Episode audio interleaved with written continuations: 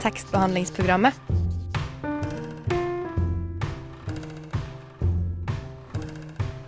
Tekstbehandling på radio.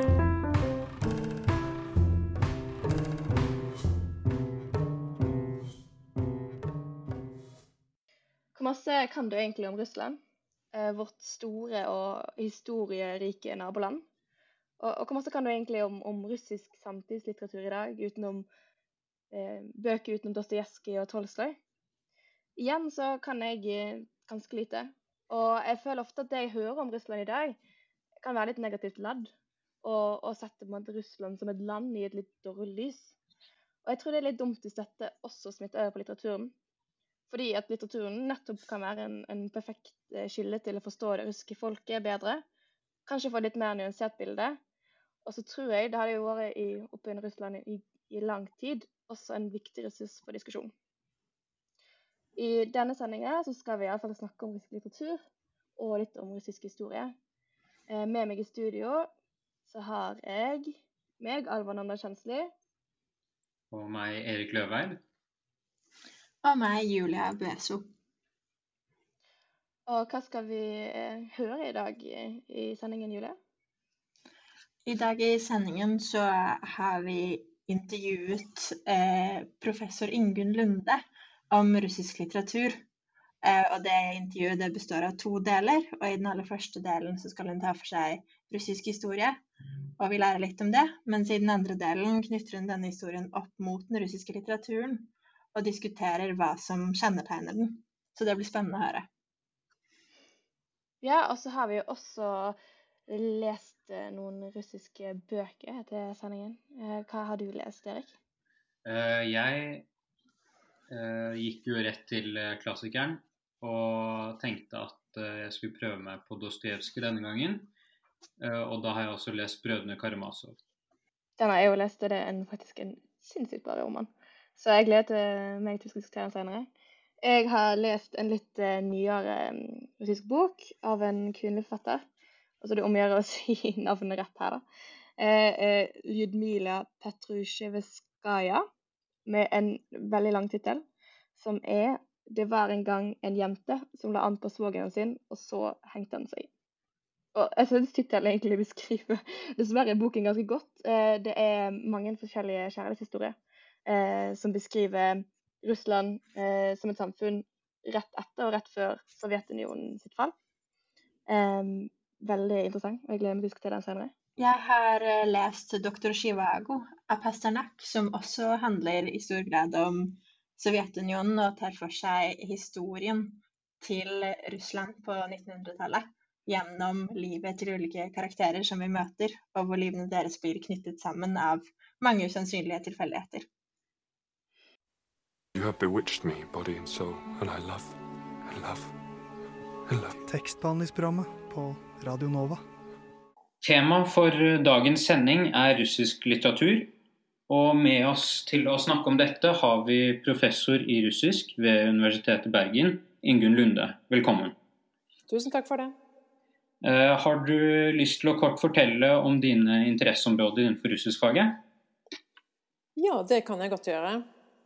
Eh, de er nokså vide. Eh, jeg startet opp som middelalderforsker og brukte ti år av mitt liv å lese gamle tekster og studere retorikk.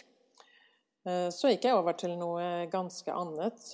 Studerte språkutvikling og språkdebatt i Russland etter Sovjetunionens oppløsning. De ti årene der, som var ganske turbulente, også språklige. Og så begynte jeg å studere mer litteraturen, og hvordan litteraturen kan være en slags eh, eh, diskusjonsarena for den type spørsmål. Hvordan, hvordan, språket utvikler seg, hvordan vi prøver å styre språket gjennom språkpolitikken osv. Og, og så ble jeg interessert i hvordan litteraturen også kan diskutere andre ting. Eh, kanskje det, også det som det handler litt om i dag, nemlig forholdet mellom historie og Ehm, og litteratur, hvordan historien spiller en rolle i litteraturen, eller at litteraturen blir en måte å, å bearbeide og diskutere historien på. Ehm, så det har jeg jobbet med nå akkurat de siste årene.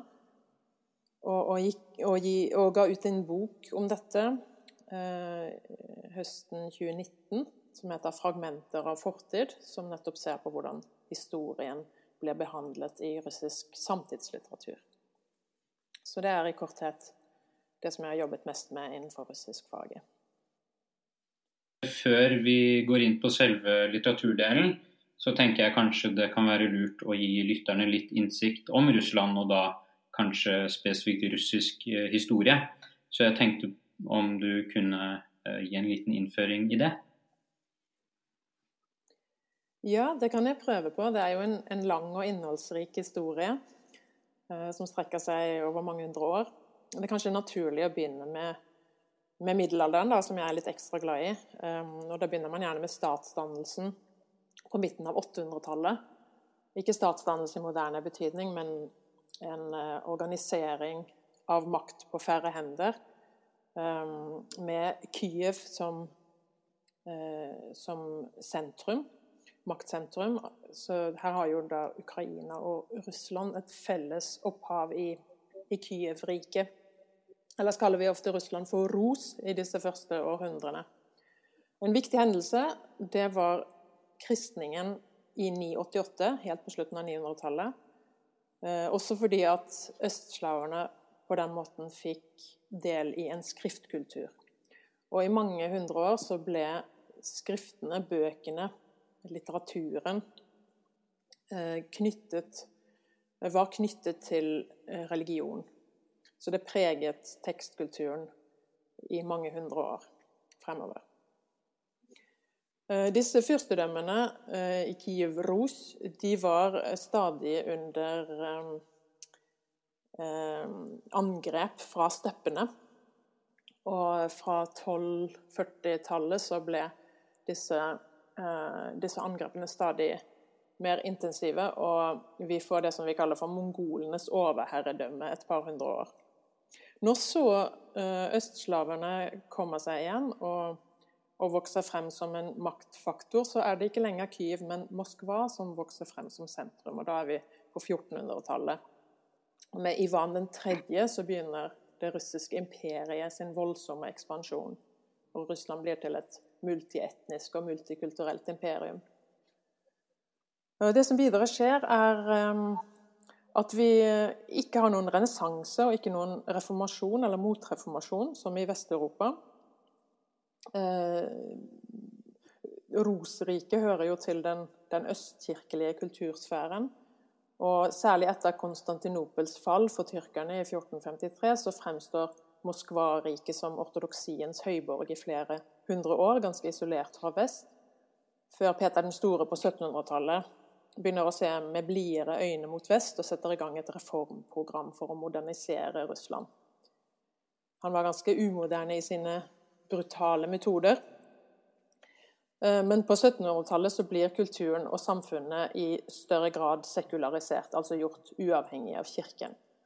Vi var jo inne på dette med at skriftkulturen var veldig preget av, av religion i mange mange hundre år. Det gjaldt egentlig hele, hele kulturen.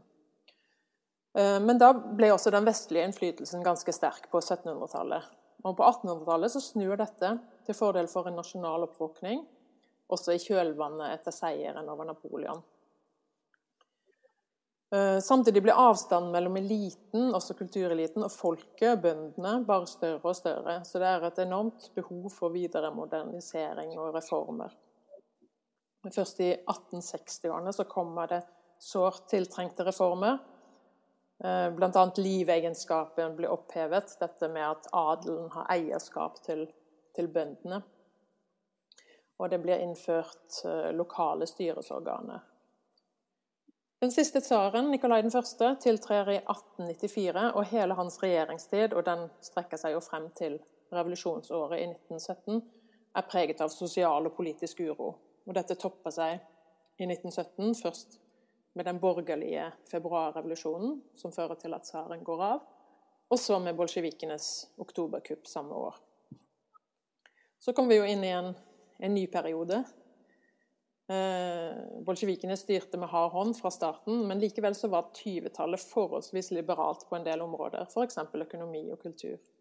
Men på 30-tallet så strammet det seg kraftig til. Terroren toppet seg i årene 1937-38, men hele Stalin-tiden, altså frem til hans død i 1953, er et mørkt kapittel i sovjetisk historie. Så får vi sånne bølger hvor det går litt frem og tilbake. Vi har Nikita Khrusjtsjov, et snev av liberalisering, og i hvert fall en avstandtagen fra Stalin. Før det strammer seg til igjen med Brezjnev, og vi går inn i en lang stagnasjonsperiode, som den gjerne kalles, fra 1964 til 82. Og Da blir det offentlige livet stadig mer preget av tomme ritualer, og at det er veldig stor avstand mellom ideologi og virkelighet. Samtidig så vokser det frem sterke motkulturer i denne sensovjetiske tiden, så det er en veldig spennende tid. På 80-tallet er det jo flere eldre pleietrengende menn som avløser hverandre som generalsekretær, før den unge, ganske dynamiske Mikhail Gorbatsjov inntar førersetet i 1985 og innleder perestrojka og glasnost. Perestrojka betyr ombygging, og glasnost betyr åpenhet. Så her dreide det seg både om reformvirksomhet Egentlig økonomiske reformer var utgangspunktet. Han ville reformere Sovjetunionen innenfra. Og glasnost det hadde å gjøre med åpenhet, altså at man kunne sette en ord på ting. Eh, kunne snakke om ting som ikke ble snakket om tidligere. Bl.a. forholdet mellom virkeligheten og ideologien. Det var ikke alltid sammenfallende. Eh, men Gorbatsjov mistet jo på mange måter kontrollen. Eh, snøballen rullet, og unionen gikk i oppløsning. Det var jo ikke hans mening, men slik ble det. Og Siden så har vi hatt tre presidenter i Russland. Først Boris Jeltsin på 90-tallet. Vladimir Putin og Dmitrij Medvedev på 2000-tallet. Så Putin har jo nå da sittet fra 2000 til 2008, og så igjen fra 2012 eh, og frem til i dag. Og i den perioden mellom, mellom disse lange, lange, periodene så var han statsminister. Og i dag når, når eh, eliten snakker om utviklingen de siste par tiårene, eh, altså den russiske makteliten, så, så ser man ofte tilbake på 90-tallet som en veldig turbulent tid. Og det var det. Det var en vanskelig tid, men det var også en ganske åpen tid. Så i utgangspunktet så var det åpent for at Russland kunne slå inn på en ny demokratisk vei. Så det tiåret var preget av reformer, av åpningen av historiske arkiver, men også av økonomiske kriser og politiske maktkamper. Og mafiaen og oligarkene hadde jo sin storhetstid. Og 2000-tallet har fremstått som mye mer stabilt.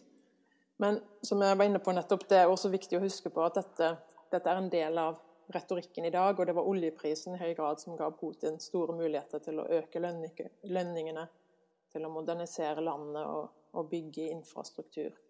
Så han liker å vise tilbake til 90-tallet som som en sånn kaotisk tid som vi aldri vil tilbake til.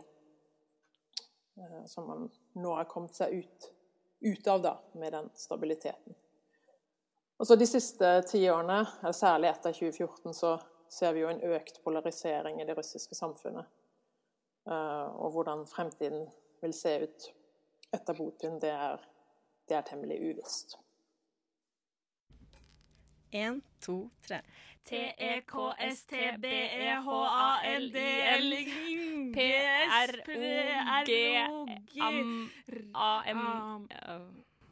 Tekstbehandlingsprogrammet på Radio Nova. Du nevnte jo noen elementer altså, som har vært viktige. F.eks. religion da, som en viktig del av uh, skriftkultur.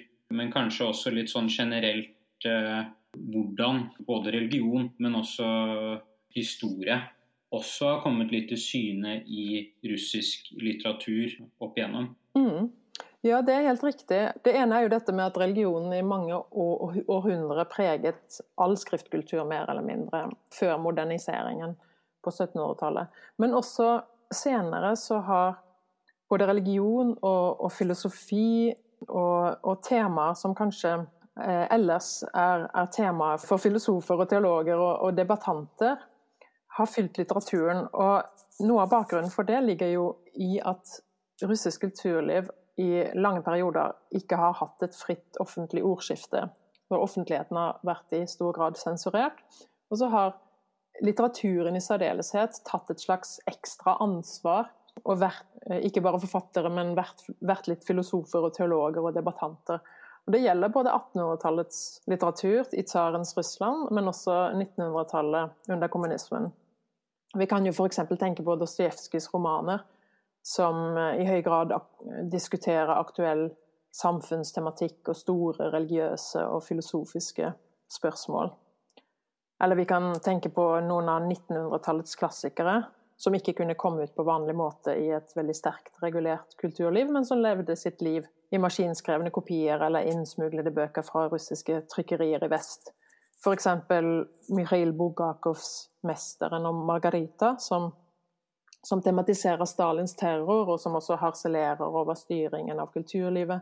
Eller Pasternaks 'Doktor Zhivago', som fremstiller historien på tvetydig vis, Altså ikke entydig på den riktige måten, og bare det at man ikke gjorde det, eh, var nok til at romanen ikke kunne komme ut. Eller Solzjenitsyns Gulag-arkipele, som tematiserer leirsystemet og undertrykkelsene knyttet til dette. Så det er jo eksempler på hvordan litteraturen tar opp i seg eh, en del temaer som, som er aktuelle i, i samfunnet, eh, og behandler dem da på en annen måte, selvfølgelig, enn man ville gjøre i en, i en debatt. Det er tross alt en, en kunstnerisk kontekst. Da. Det er en forskjell på, på fiksjon og på, på, journalistikk eller debatt eller offentlig ordskifte. Russiske forfattere ble i større grad samfunnsdebattanter, og du nevnte også filosofer. Er det måte, er det noen egne filosofiske verker som er skrevet, eller blir det på en måte det som eh, de russiske forfatterne tar eh, som en del av sin litteratur? Ja, vi har jo begge deler. Etter hvert så, så, kommer det jo også hva skal man si, profesjonelle filosofer på banen. Vladimir Salavjov eh, er en av de, de, første kanskje på slutten av 1800-tallet. Så dette er jo parallell, parallelt. Men som, som, en akademisk disiplin så kan man si at filosofien er forholdsvis sent blir forholdsvis sent etablert. Og det går litt inn i hverandre også. Salavjov f.eks. han var også dikter. Han skrev både dikt og prosa, eh, og var filosof. Um, så, så, det går litt eh, over i hverandre også. Nå var jo òg på den annen side må vi huske på at Dostojevskij var også eh, journalist og redaktør, tidsskriftredaktør, så han var jo veldig samfunnsengasjert eh, som borger. Så det var ikke bare i romanene at han tok stilling til samfunnsspørsmål. Og Talstoy også engasjerte seg jo sosialt og eh, pedagogisk og sånn på forskjellige områder. Så, så flere av, av, de, av, disse forfatterne hadde på en måte flere roller i samfunnet også. I tillegg til at de i selve litteraturen ga plass til, til denne type spørsmål. Da. Så det er um, kanskje et typisk kjennetegn, det at uh, forfatterne tok flere roller, og dermed ble kanskje bøkene eller litteraturen litt mer eh, hva skal man si, kompleks? Ja, det er en måte å se det på. Det er nok slik, altså det, er, det er en del av tradisjonen, dette. Det, og det, det, er forfatterne ganske klar over også. Eh, det finnes et sånn kjent uttrykk av uh, dikteren Jevgenij Jevtusjenko at i Russland er en dikter mer enn en dikter. Men det kunne jo også være litt hva skal man si, litt anstrengende for dikterne å, alltid må, å, å, ha den forventningen til at de skulle ta samfunnsansvaret. Så på 90-tallet, eh, etter Sovjetunionens eh, fall, så var, så var det en um, tendens til at forfatterne ville frigjøre seg fra denne ansvarstradisjonen, da. Og ville la litteraturen være mer litteratur for sin egen del. Uh, altså at man på en måte gir det estetiske mer rom, og eksperimenterer med, med ordkunsten. Og trekker litteraturen litt uh, lenger vekk fra virkeligheten, da, fra samfunnsproblemene og sånt. Så det har jo også vært perioder hvor det har vært en slags mot, motbevegelse mot dette. Ikke alle forfattere har vært like begeistret for å på en måte ha den forventningen hengende over seg. Men man kan vel si at det er et trekk som er ganske karakteristisk for russisk litteratur da, som helhet. Så man kan på en måte se på skillet, altså før, før uh, murens fall, eller kanskje før Sovjetunionens uh, oppløsning, at forfatterne da får ansvars, den ansvarsrollen, mens etterpå så har man i større grad frihet til å skrive om kanskje litt mer hva man vil? Eh, ja, i hvert fall var det på 90-tallet en, en, eh, tendens til at en gruppe forfattere var veldig opptatt av å frigjøre eh, litteraturen. Men så var det andre som var opptatt av å skildre samfunnet igjen. Og så kan man vel òg si at har, hele kulturlivet har tatt en, en, vending mot det politiske og mot samfunnet igjen. Fra årtusenskiftet, og kanskje spesielt fra ja, nå de siste 10-15 årene. Man ser at mange forfattere blir mer samfunnsengasjerte igjen. De deltar i den offentlige debatten, de skriver åpne brev, de undertegner opprop, de går ut og demonstrerer og sånne ting. Pluss at uh, litteraturen igjen tar opp i seg uh, politiske uh, temaer, da. Så det går litt i bølger, dette. Så det var spesielt på 90-tallet at det var karakteristisk med denne frigjøringsperioden senest nå, og, og de siste 10-15 årene at vi har sett mer av det her samfunnsengasjementet i, i kunsten igjen. Du nevnte jo uh, Dostojevskij som en forfatter tidligere. Og han er jo også veldig kjent i Vesten. Typisk å ha lest noe av han. En, en bok jeg har lest, f.eks., er 'Brødrene Karamazov', uh, som jeg syns var veldig spennende. Uh, men som også, som du nevnte litt tidligere, dette med kanskje at bøkene blir litt komplekse når forfatterne tar roller som kanskje utover det å være forfatter, er det kanskje um, skal man si et slags sånn gjennomgående tema, vil du si? F.eks. Uh, eh, er det ofte snakk om uh, temaer som handler om det gode mot det onde, eller er det uh, eksistensielle spørsmål eller religion kanskje som går igjen i disse litt større verkene? Ja, de tingene du nevner nå, de, de er vel temmelig typiske for både Dostojevskij og Tolstoy, om enn på ganske forskjellige måter. Altså Dostojevskij graver seg jo ned i menneskets indre, i psyken til alle slags mennesker, og lar dem diskutere med hverandre i heftige dialoger. Så denne dialogstrukturen er veldig typisk for hans romaner. Det gjør jo også at man som leser blir engasjert. Man, man begynner å diskutere med figurene i, i romanene. Mens Talstoy er kanskje mer styrende som forfatter. Han, han skaper en lang, formfullendt historie hvor, hvor, alle livets uh, sider kommer, hjem, kommer gjennom i en uendelig mengde med små detaljer og episoder. Samtidig som, samtidig som den store konteksten også spiller en viktig rolle, dette med historiens, historiens rolle osv. Men begge disse to store, som vi ofte kaller dem, har denne her um, sterke interessen for mennesket i alle menneskets um, situasjoner.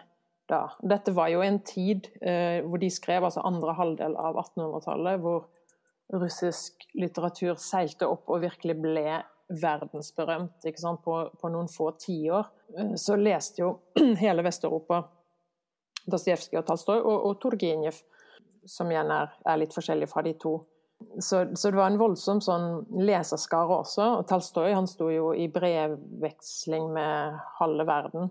Og, og var virkelig verdensberømt uh, i sin egen levetid. Han levde jo også svært lenge, da. Så ja, du har absolutt uh, rett i at, at, de er ganske komplekse, disse romanene, og handler om, om veldig mye. Uh, og at, at, dette med menneskets følelser og, og tanker og dette med å, å, streve med de store spørsmålene. Med hva er det gode, hva er det onde? Eksisterer Gud? Uh, hvorfor lever vi? Det går litt igjen da, i disse, disse, store romanene. Men vi skal jo heller ikke glemme at, at russisk litteratur er mer enn en de berømte romanene fra slutten av 1800-tallet. I, I, Russland så er jo eh, dikter nummer én det er eh, Aleksandr Pusjkin, som er mye mindre kjent i vest. Eh, men som har status som Russlands nasjonaldikter. Han levde litt tidligere enn disse gigantene. Eh, han, eh, han levde fra 1799 til 1837. Døde ung. Han døde i duell, han levde et stormfullt liv og døde en stormfull død. Men han er først og fremst dikter, og det er nok det Han er språkkunstner virkelig av uh, usedvanlig format. Og det er nok det som gjør at han er mindre kjent i vest, fordi at det er vanskelig å oversette ham godt. Eller man kan si man mister så mye i oversettelsen fordi han er en veldig elegant språkkunstner. Du har jo nettopp eh, nevnt veldig mange forskjellige russiske forfattere. Og da var jeg litt nysgjerrig, fordi vi har jo eh, de fire store innenfor norsk litteratur. Er det noe lignende som russerne har gjort? Kanskje ikke nødvendigvis bare fire, men at det er noen de på en måte har opphøyet eh, som regnes som større? Ja, inn, I Russland så står jo, som jeg var inne på i sted, Aleksandr Pusjkin oppe på førsteplassen da, som nasjonaldikteren. Eh, og så har vi eh, noen av disse som vi har snakket om, Gogol, Dostojevskij, Tolstoy, Turgenev. Eh, jeg har ikke nevnt Ljermontov, Mireil Ljermontov, en annen litt tidligere romantisk forfatter. Som også er, absolutt er del av den russiske kanon. Så det er i høy grad de som vi har snakket om. Og nå på 1900-tallet så kommer jo da var jo situasjonen slik på selve 1900-tallet i samtiden at en del av litteraturen ikke kunne komme ut pga. sensuren. Eh, men de har jo kommet ut nå med stor tyngde etter Sovjetunionens fall, slik at de eksisterer side om side med den mer eh, statlig sanksjonerte kulturen. Når det gjelder samtidslitteraturen, så er det litt mer Også fordi denne kanskje er litt mer politisert og og sosialt engasjert, så, så, går det jo litt sånn opp og ned med leselister i, i skolene, hva som, hva som, leses og ikke leses. Men det er jo ikke så uvanlig dette med at det er klassikerne man gjerne leser i skolen. Eh, så sånn, er, sånn sett er det i, i Russland som, som, mange andre steder. Er det sånn Helt til slutt eh, så tenkte jeg kanskje du hadde noen eh, bøker du ønsket å anbefale. Det kan være personlige favoritter, eller bøker som gjorde inntrykk på deg på den ene eller andre måten? Ja, jeg, jeg syns jo um, Du nevnte jo brødrene Karamazov her i sted. Og jeg syns jo det passer veldig fint å lese eller gjenlese Dostojevskij nå uh, i, akkurat i år, fordi at han har jubileum. Uh, han ble født for 200 år siden. Um, så jeg har også akkurat selv gjenlest 'Brødrene Karamazov' og syns at det er en fantastisk roman. Men jeg vil også gjerne slå et slag for samtidslitteraturen. Eh, vi har jo oversettelser av flere navn, som jeg nevnte, nevnte i sted. En personlig favoritt, eh, det er akkurat i det siste, som jeg har lest eh, og jobbet med, er Sergej Libidjev. Som dessverre ikke er oversatt til norsk, men det finnes danske og svenske oversettelser. Han har skrevet fem romaner, og de fleste handler om historien, faktisk. Den ganske dunkle eller den mørke historien fra 1900-tallet, eh, eh, spesielt Stalin-tiden og eh, leirene, Gulag, det totalitære samfunnet. Det som er spesielt med hans um, bøker, er at han tematiserer disse mørke sidene av historien uh, ut fra dagens uh, situasjon, ut fra hvordan vi i dag skal leve med denne historiske arven. Altså han fremstiller ikke bare historien slik den var, men, men hvordan kan vi, kan vi, leve med dette i dag? Og det gjør han på en måte som bare, bare litteraturen kan. Så det er, eh, det er, virkelig stor litteratur som jeg kan anbefale. Du nevnte jo, det var jeg faktisk ikke klar over, at det var 200-årsjubileum for Dostojevskij i, eh, i år. Skal det bli, eller kommer det til å bli markert ja, jeg skal faktisk i dag ha et møte med Litteraturhuset i Bergen om en eh, jubileumsmarkering den 11. november, som var bursdagen hans. Så da skal vi ha, ha arrangementer i Litteraturhuset i Bergen. Eh, foredrag og samtale eh, og sånn. Og jeg er ganske sikker på at det planlegges ting også andre steder i Norge. Ja, nei, da er det jo bare å holde av datoen 11. november. Tusen takk for at du tok deg tid. Tusen takk for meg. Hei, jeg heter Aune, og du må høre på tekstbehandlingsprogrammet. Fordi kunnskap og viten, det er det mest vidunderlige på denne jorden.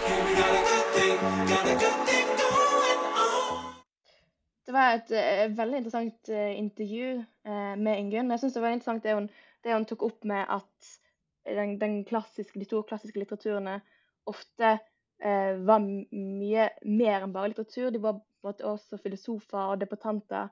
Noe som gjorde at, de verkene ble så veldig komplekse. Og det tror jeg alle som har lest Dostojevskij, eh, kan forstå. Um, hva, hva, tenker dere om disse to store verkene som dere har lest? Nei, altså jeg, jeg, For meg så var jo det faktisk litt nytt. Dette med at uh, forfatterne hadde liksom denne uh, større funksjonen da, enn bare å skrive en historie om noe. Uh, selv om det så klart gir veldig mening når jeg leser en bok som 'Brødrene Karamazov', for den er jo ikke Eller den har jo veldig mange interessante aspekter. sånn skal man si at temaet i seg selv, eller handlingen i seg selv, er jo på en måte ikke noe uh, Det er ikke noe Det er ikke noe nytt, da. Eller det er ikke noe helt uvanlig, men når man liksom ser på på en måte eh, plottet eh, for, for, seg, så er det jo ganske spennende, i grunn. Altså Ja, det kan jeg kanskje komme litt inn på senere, men det er da skjønner man på en måte at det er en litt sånn dypere tankegang eh, bak det hele. Ja, jeg tenker, for det, det nevnte jo Ingunn, dette med eh, dialogen han bruker. For jeg føler gjennom de dialogene som er i den boken, eh, ja. så får man jo så sykt masse filosofi og, og, og store problemer til å ta opp. Og, og jeg syns det er jo på en måte en av de, de beste tingene med boken. Synes det på en måte er de, de sylskarpe dialogene som, som finnes der. Ja. Vil dere gå litt mer inn på det? Sånn, hvordan kommer det konkret til uttrykk? Er det samtaler, er det refleksjoner, og hvordan på en måte påvirker det karakterene gjennom akkurat Brødrene Karamazov? Fordi den har jeg aldri lest. Nei, altså det er jo en del, eh, kan man si, historiefortelling. Eh, altså ulike ja, ulike historier som blir fortalt opp gjennom uh, boka. Uh, det er jo f.eks. Uh, uh, historien om uh, storinkvisitoren, uh, som da er en person som bestemmer seg for å fengsle Jesus, som da kom tilbake igjen, fordi at han mener at Jesus rett og slett er en trussel for mennesket fordi han er for perfekt. Og det vil da på en måte, skal man si, Eh, forhindre mennesket å se da, at verden også er eh, lidelser. For det er jo noe som Dostojevskij snakker veldig mye om, dette med at eh, lidelser egentlig er noe som følger oss hele veien. Fordi det som han mener er et stort problem med mennesket, og det kanskje kommer til uttrykk da etter spesielt kanskje den industrielle revolusjonen, når vi finner eh, ulike løsninger og lager nye maskiner for å forbedre samfunnet, det er det at vi tror jo at Eller det, det er det han mener at noen tror. At ved å lage denne type maskiner, eller ved å på en måte prøve å løse problemer eh, ganske konkret, da, ved å si at uh, vi har løst et problem ved at et annet forsvinner, uh, så vil jo det i grunnen bli feil.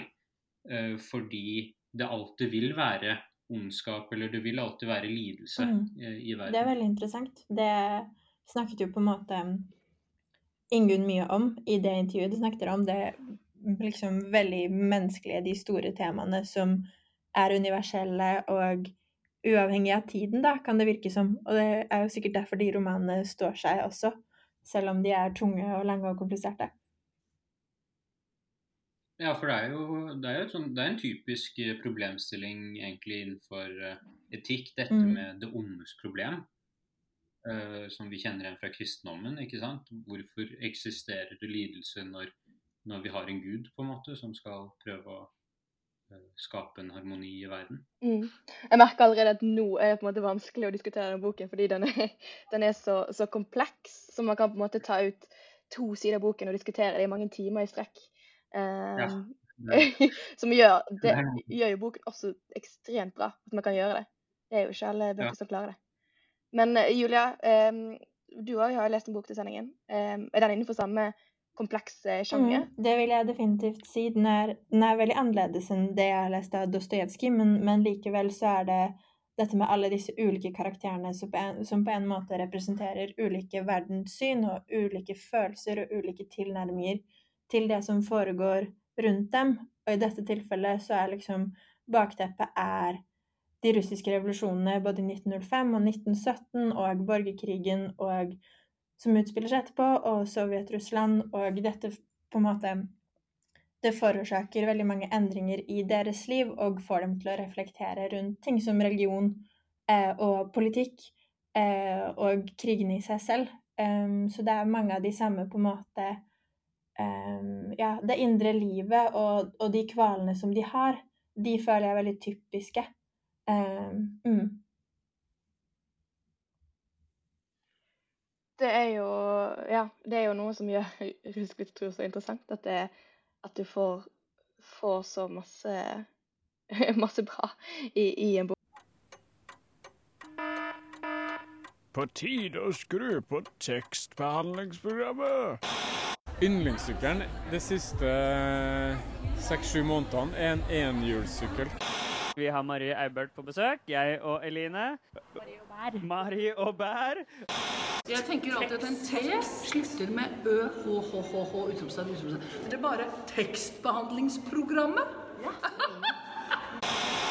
Nei, det var ikke så mye å si. Jeg har jo også lest en roman til denne sendingen her, og det er eh, en kvinneforfatter, så det er ikke en av de, de store gutta, sånn sett. Um, og det er jo en veldig en ganske interessant bok. Eh, som er, det er en kjærlighetshistorie, så det er ganske mange noveller eh, som beskriver folk, veldig hverdagslige folk som lever ofte i fattigdom, eh, og hvordan de finner kjærligheten. Uh, men det jeg syns er så interessant med forfatteren. Hun skriver veldig, sånn, veldig sånn sosialrealistisk, men skildringene hennes er hysteriske. Jeg syns det er så morsomme, fordi hun skildrer folk på en så eh, Skildrer folk så rett fram. Hvis de er på en måte stygge, så sier hun at de er stygge. Og, og sånn, den rett framheten eh, ble jeg litt overraska over. Eh, den direkteheten eh, i boken. Eh, og så er det jo også, jeg må jo si det er jo kjærlighetshistorie. Eh, på, og på overflaten kan det virke veldig sånn kynisk, et kynisk samfunn, men det er det virkelig ikke. Og spesielt den moderlige kjærligheten kommer godt fram i disse novellene. På samme måte som forfatteren Dostojevskij og Paskanak, så, så skildrer denne boken her også ganske mange store temaer, men i en mye mindre skala. Da. Det er ikke de store religiøse og filosofiske diskusjonene på noe som helst måte. Det er ganske Eh, rett fram. Ja, når var det den boken var skrevet igjen? Uh, jo, um, jeg tror iallfall at den er skrevet i 2013. Uh, den er oversatt uh, i 2017 på 2016 på norsk i hvert fall. Så den er ganske ny, uh, og hun, er, hun sies å være en av de største russiske fatterne som lever nå. Hun vant den Booker, russiske Booker-prisen. Så kult. Men er det en, den samme kjærlighetshistorien man følger i de samme i novellene, eller er det ulike kjærlighetshistorier? Det er ulike kjærlighetshistorier, og det er veldig masse forskjellige typer kjærlighetshistorier. Um, ja. Og så det er også Det er ikke bare kjærlighetshistorie mellom mann og kvinne, det er ofte òg mellom en sønn eller en datter. Mm. Uh, som gjør en egentlig ganske fin.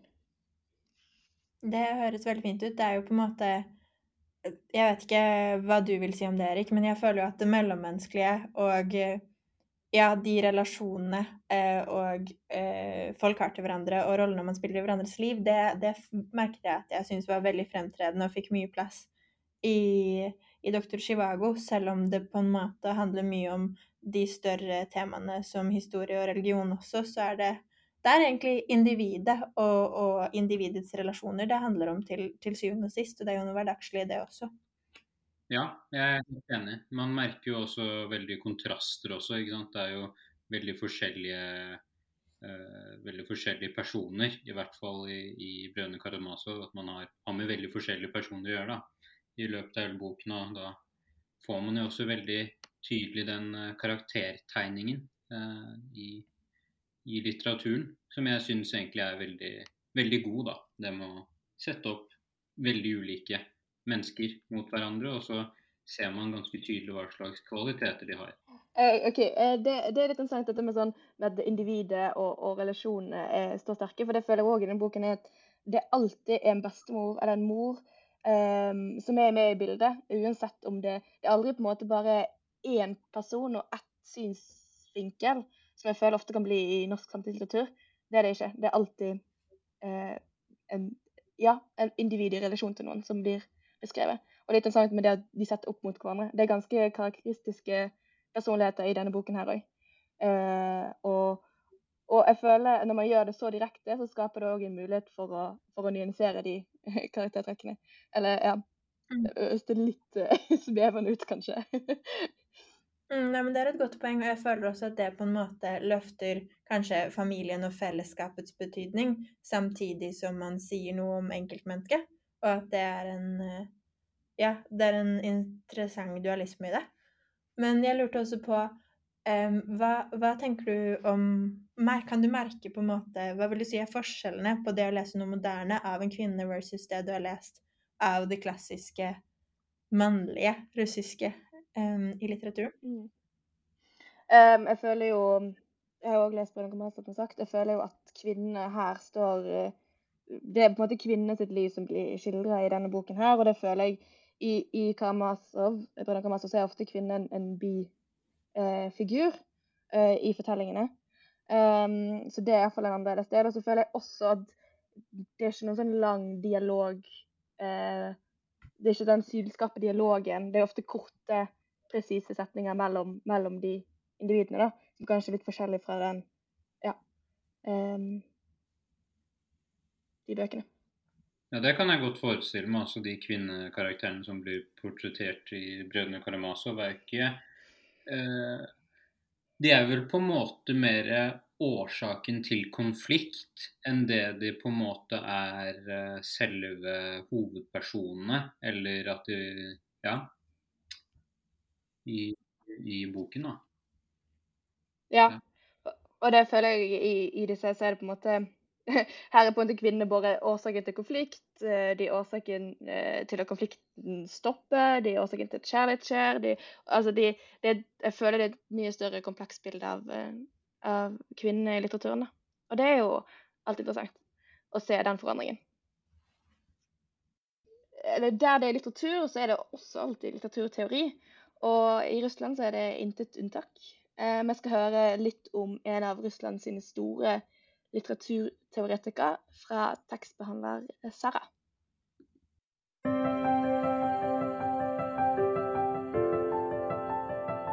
Livet er et lære. Du må alltid lære. For de som så på Paradise Hotel 2016, var dette sitatet fra Mayo kanskje et av de mest minneverdige øyeblikkene. Men hva har dette med russisk litteratur å gjøre? Svaret er lite. Men det kan kanskje ha noe med russisk litteraturteori å gjøre. For Russland har fostret opp mange av de viktigste stemmene innenfor den moderne litteraturteorien. Blant disse finner vi Roman Jacobsen, Mikael Bakhtin og Viktor Slovskij. De neste minuttenes stjerne. Ved siden av Mayo, så klart. Slovskij var en av grunnleggerne av den russiske formalismen. De russiske formalistene var interessert i hvordan litteraturen var satt sammen. Man kan si at det er en slags vitenskapelig måte å studere poetisk språk på, der teksten studeres i seg selv, mens dikterens mening eller intensjon eller diktets historiske plassering er av mindre interesse. Selvfølgelig var det også forskjeller innad i denne gruppen av russiske formalister. Men vi snakker jo om Slovskij, som i en av sine mest kjente artikler, 'Kunsten som grep', fra 1916, introduserer et veldig sentralt begrep, nemlig underliggjøring. Men for å forklare dette begrepet må vi starte et annet sted. For som Slavskij sier, så gjør mange den feilen å se på prosans språk, altså dagligtalens språk, som det samme som det dikteriske eller poesiens språk. Men skiller man derimot disse språkene fra hverandre, oppdager man at de følger hver sine lover. Dagligtalens språk skal være praktisk, det skal være enkelt å forstå og gjenkjenne. Det automatiserer persepsjonen, sier han. Dvs. Si at vår oppfattelse av dette språket går på autopilot, som f.eks. at når man skal bestille kaffe på en kafé, er det nok å si 'to svarte kaffe, takk', og da vil den som jobber i kafeen, mest sannsynlig skjønne at du vil kjøpe to kopper med vanlig filterkaffe. Ifølge Slofsky er det ideale uttrykket for denne automatiseringen algebraen. Der er alle ting erstattet med symboler, slik at vi nettopp skal kunne kjenne dem igjen uten at vi trenger å knytte det til noe annet. Som en slags rutine når vi hører eller ser noe gang på gang, mister vi derfor etter hvert mer og mer synet av det vi faktisk ser. Vi bare gjenkjenner det og går videre. Slofsky går enda lenger og sier at denne automatiseringen fortærer tingen, slik at livet går tapt. Men, fortsetter han, nettopp for å gi oss livsfølelsen tilbake, for at vi igjen skal føle tingen, for igjen å gjøre stenen til sten, eksisterer det som kalles kunst. Opplevelsen av kunsten eller litteraturen fungerer nettopp ikke på denne automatiserte måten. Det er ikke kunstens mål at vi skal forstå noe eller gjenkjenne noe med minst mulig innsats. Det er heller det omvendte. Kunsten skal få oss til å se tingene på nytt. Derfor er kunstens virkemiddel underliggjøringens virkemiddel. Den skal gjøre det vanskeligere å forstå og gi mening. Den skal underliggjøre tingene for oss. Og det er selve denne prosessen med å se og føle og prøve å forstå som er kunstens mål. Og den skal derfor gjøres lang. Kan jeg også få et papprør som er lukket i den ene enden fylt med det svarte vannet det ryker av? Det kunne man kanskje spurt baristaen om neste gang man kjøper kaffe, uten at jeg skal hevde at det blir kunst av den grunn. Livet er et lære, du må alltid lære. Det er feil, ville noen hevde. Mayo mener å si noe annet. Han mener å referere til et velkjent ordtak som man har hørt igjen og igjen. Man lærer så lenge man lever, kanskje? Og det er kanskje kort vei fra underliggjøring til latterliggjøring her, men all spøk til side er det Mayo sier, kanskje først og fremst underlig. Vi gir han kanskje bare ikke noen sjanse. Vi gidder ikke å stoppe opp og faktisk tenke over hva han sier. Vi bare ler fordi det han sier er så underlig.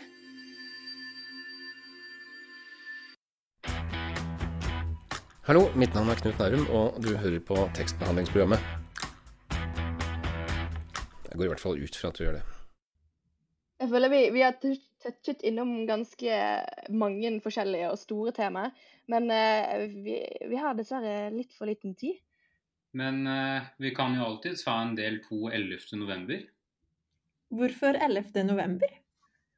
11. november er Dostojevskijs 200. fødselsdag. Og det må markeres. Ja, det må virkelig markeres. Gratulerer til Dostojevskij, som blir 200 år.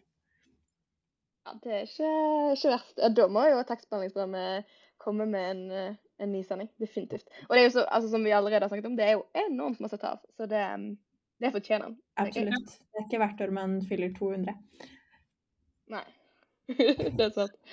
Um, Julia, hvis du vil høre mer av uh, tekstbehandlingsprogrammet, hvor kan du høre det ennå? Du kan høre det på Spotify, på iTunes, på Soundcloud. Der du hører på podkasten din, der finner du oss. Og det anbefaler jeg virkelig. Uh, I studio så var det meg, Alva Namdal Kjensli. Og meg, Julia Bueso. Ja, og meg, Erik Løveit. Tekstbehandlingsprogrammet.